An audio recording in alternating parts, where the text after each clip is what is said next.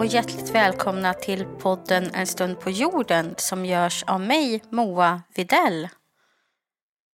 Den är ingen filosof som inte diktar och målar. Därför säger man inte utan skäl att förstå är att skåda fantasigestalter och förståelse är fantasi. Giordano Bruno, italiensk filosof under renässansen. Vad betyder egentligen dessa ord? Ja, jag är ingen litteraturvetare men kan konstatera att Bruno på något plan tänker på människan som en varelse med kraft att förnimma och drömma. Att se andra dimensioner och utvecklas. Något som var tidstypiskt för renässansen. Idag ska vi prata om renässansens idémässiga förändringar, filosofi och mening. Renässansen pågick från tidigt 1400-tal till 1600-tal beroende på var man bodde.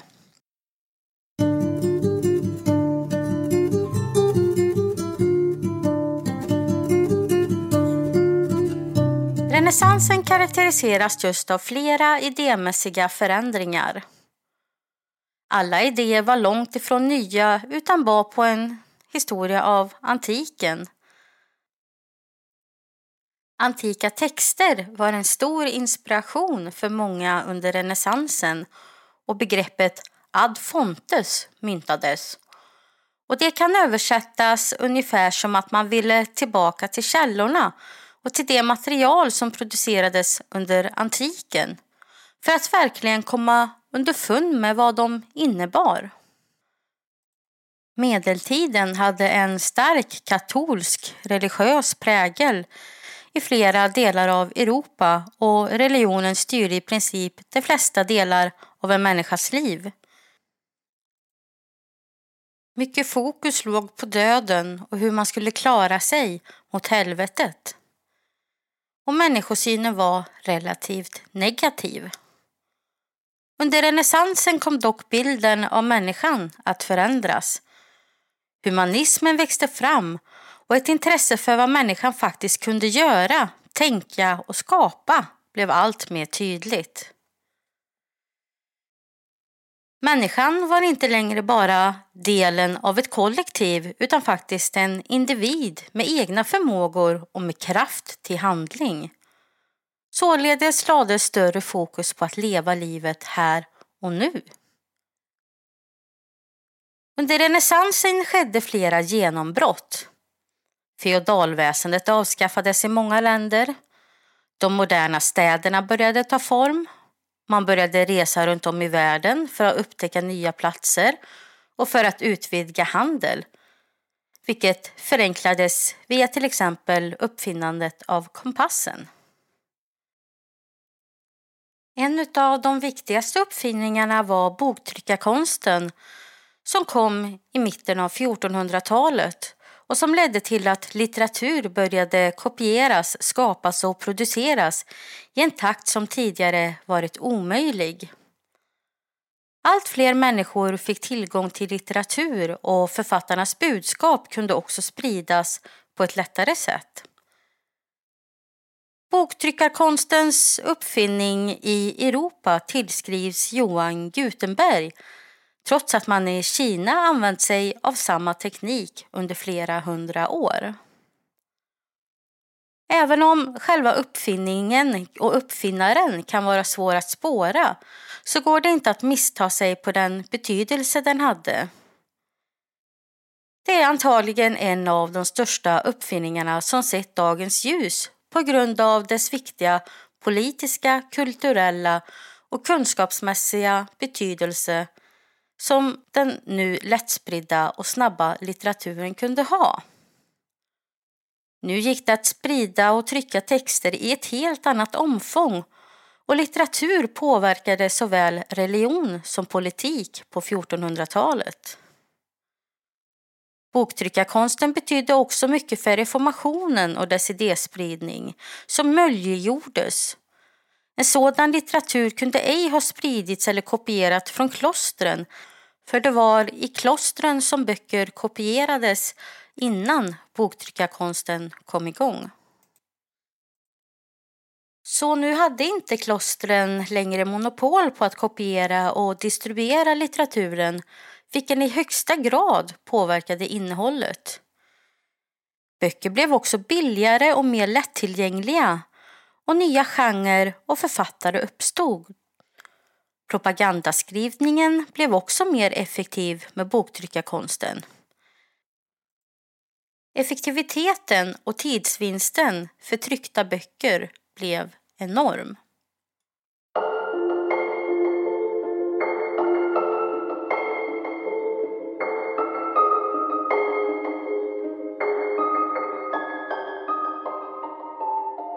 Sidan av intresset för människans förmågor så uppkom också ett intresse för den mänskliga kroppen.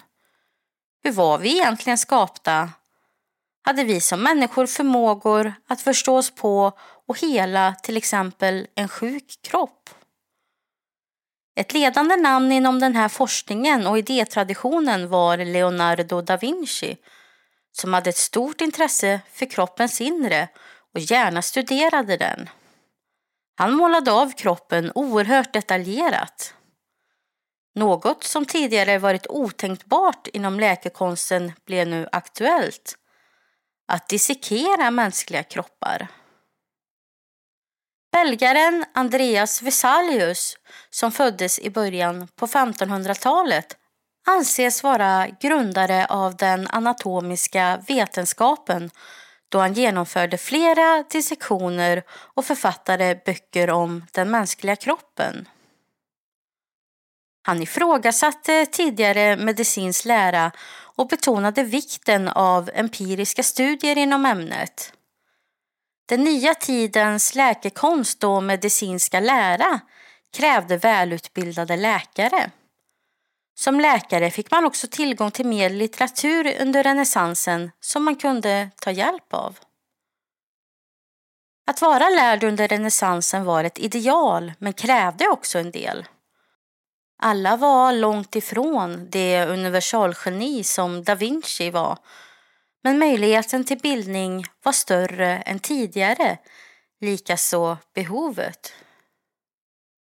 I Italien myntades begreppet studia humanitatis. Begreppet innefattar de olika humanistiska studieämnena som ansågs vara fördelaktiga att studera under renässansen och som det undervisades i på universiteten. Ämnena som ingick hade spår från både antiken och medeltiden artes liberales.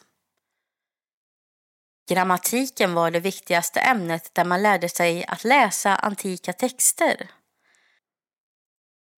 Retorik var också ett väldigt viktigt ämne som man behövde för att kunna tala och föra sig korrekt samt argumentera för sin sak. Poesi, moralfilosofi och historia var också viktiga ämnen. De som skulle styra i samhällena hade fördel om de hade studerat dessa ämnen då en människa med hög position behövde vara lärd för att följa de krav som ställdes av medborgarna. En härskare hade till exempel fördel att kunna tala och argumentera på ett korrekt sätt. Och som jag nämnt tidigare så höjdes kraven inte bara för härskare utan också för de som hade uppsatta positioner i samhället. En följd av feodalsamhällets upplösning som tidigare styrt människors privilegium krävde ett helt annat samhälle och en helt annan styrelseprocess. Nya ekonomiska, politiska och sociala förändringar som tidigare skett lokalt blev nu del av något större. Således behövde en mer ordnad statsapparat som inte bara behandlade de lokala frågorna utan som tog omvärlden i beaktande. Det var viktigt för staten att vara stark, att upprätthålla lagar och hålla samman samhället då kyrkans makt och inflytande på flera sätt minskade i Europa. Idémässigt kunde den politiska förändringen synas i Luthers reformistiska tankar om kyrkan och staten samt i Machiavellis framställning om hur en härskare skulle vara. Machiavellis bok Försten blev väldigt populär och lästes av många makthavare i Europa. För det var av största vikt att härskaren var stark på den här tiden. Ett ideal som kom att ändras under upplysningen då den allsmäktiga monarken föll offer för allmänhetens missnöje. Bildningsidealet utvidgades och frigjorde sig mer från kyrkan. Även om det var en lång process som pågick lång tid efter renässansen. Dock så fanns religionen med i utbildningsväsendet och var högst aktuellt rent idémässigt. Det märks bland annat i verk av filosofen Mirandola där han presenterar människan som skapelsens krona. Människans speciella status och förmågor sätts högst. Den italienska filosofen Ficino startade under renässansen en kristen informell platonsk akademi där han förenade Platons texter med kristendomen samt med inslag av mystik, magi och okultism. Något som också var vanligt under renässansen. Det kristna idealet speglade också av sig i konsten. I Rafaels skolan i Aten. Motiv av så många filosofer kunde inte varit förenlig om man inte lagt en kristen prägel på deras tidigare idéer, precis som Ficino gjort. Religion och antik filosofi gick således hand i hand. Flera konstverk med den mänskliga kroppen i fokus målades också. Det visade på ett människoideal. Michelangelo producerade flera verk och ett av de mest kända är Adams skapelse i det Sixtinska kapellet. Där Adam mottager den gudomliga gnistan från Gud. I kontrast till det här växte sig Luthers kritik mot den katolska kyrkan allt starkare på flera platser i Europa och framförallt norr om Alperna där den kristna humanismen tog allt mer större plats idémässigt.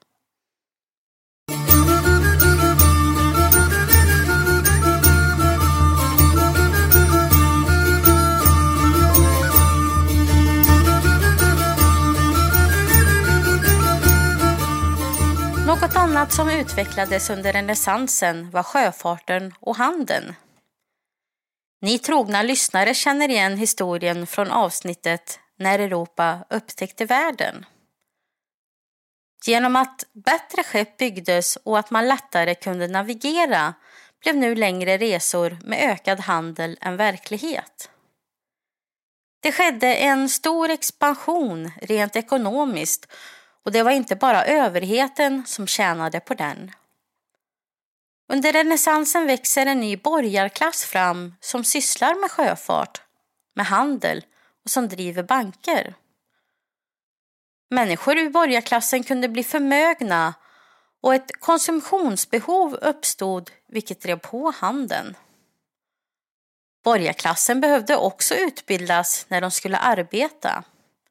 De behövde kunna skriva, räkna, förhandla och kommunicera med varandra. Således ökade trycket på utbildningsväsendet som tidigare varit reserverat av de högre klasserna. Och boktryckarkonsten gjorde som sagt bildningen via böcker mer lättillgänglig.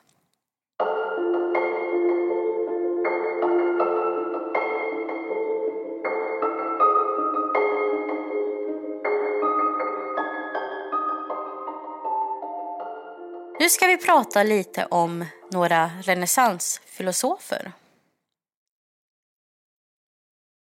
Marsilio Ficino, som jag tidigare nämnt, var en italiensk filosof som levde år 1433 till 1499. Han skulle först studera till läkare men sadlade om då han hade problem med den aristoteliska inriktningen på utbildningen.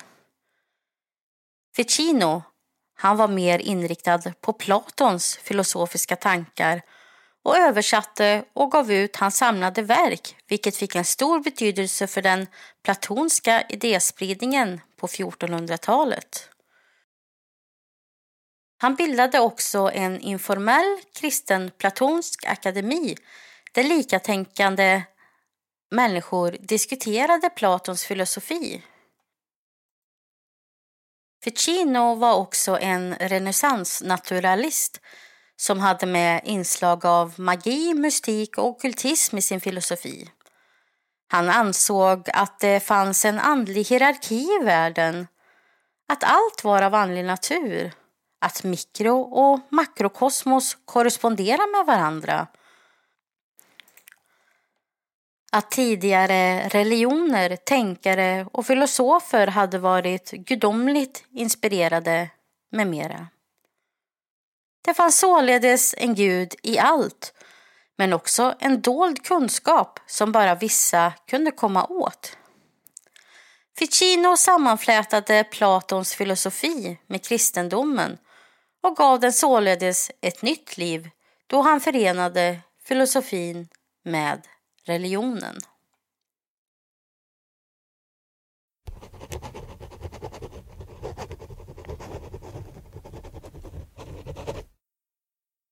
En annan karaktäristisk tänkare för renässansen var Erasmus av Rotterdam. Han var en renässanshumanist vars ideal låg i bildning och studier. Han ansåg eh, att människan genom det kunde självförverkliga sig själv och leva ett dygdigt liv. Erasmus hade från början tänkt att bli teolog men det var som författare han kom att arbeta. Precis som för Ficino och flera andra tänkare under renässansen arbetade Erasmus med en förening av antiken och den kristna tron. Erasmus var dock kritisk mot den katolska kyrkan men anslöt sig ändå inte till Luthers reformation utan såg sig som en reformkatolik även om han i början var attraherad av Luthers idéer. Erasmus gjorde en nyöversättning av Nya testamentet till grekiska år 1516. Han förvånades över de misstolkningar som gjorts tidigare och såg det som sitt uppdrag att rätta till dem.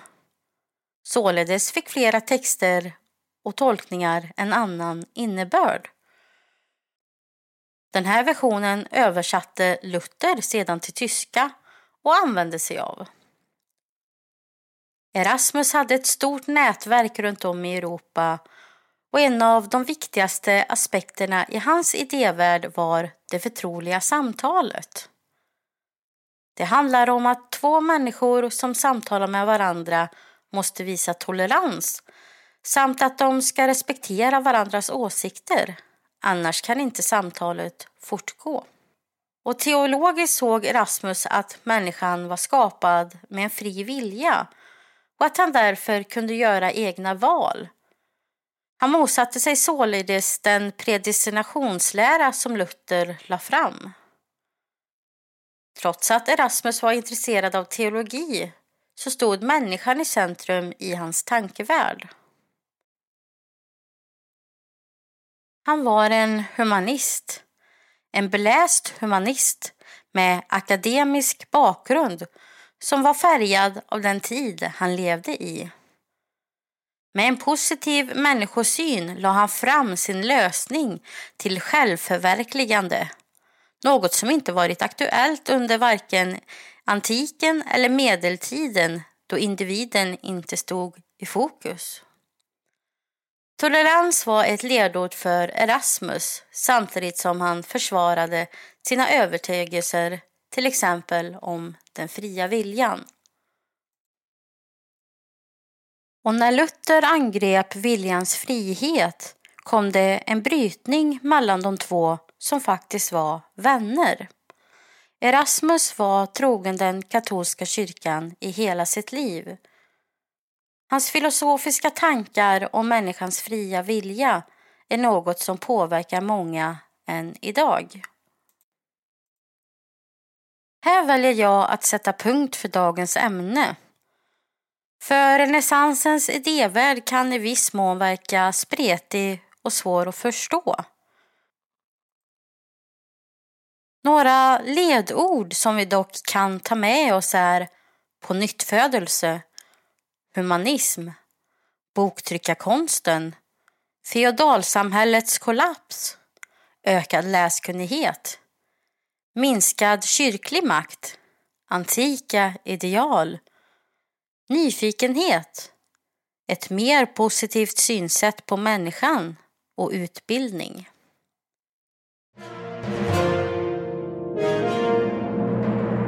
Vet du faktiskt en sak? Presidenten Abraham Lincoln är med i det amerikanska Wrestling Hall of Fame. Innan den 16 presidenten tillträdde utropades Abraham Lincoln till brottningsmästare. Den 193 centimeter långa presidenten hade bara en förlust bland sina runt 300 matcher. På grund av sina framgångar kallades han för elitkämpen i New Salem, Illinois. Så småningom vann han sitt countys mästerskap och blev utsedd till brottningsmästare. Tack för att du lyssnat på dagens avsnitt och jag hoppas att vi hörs snart igen.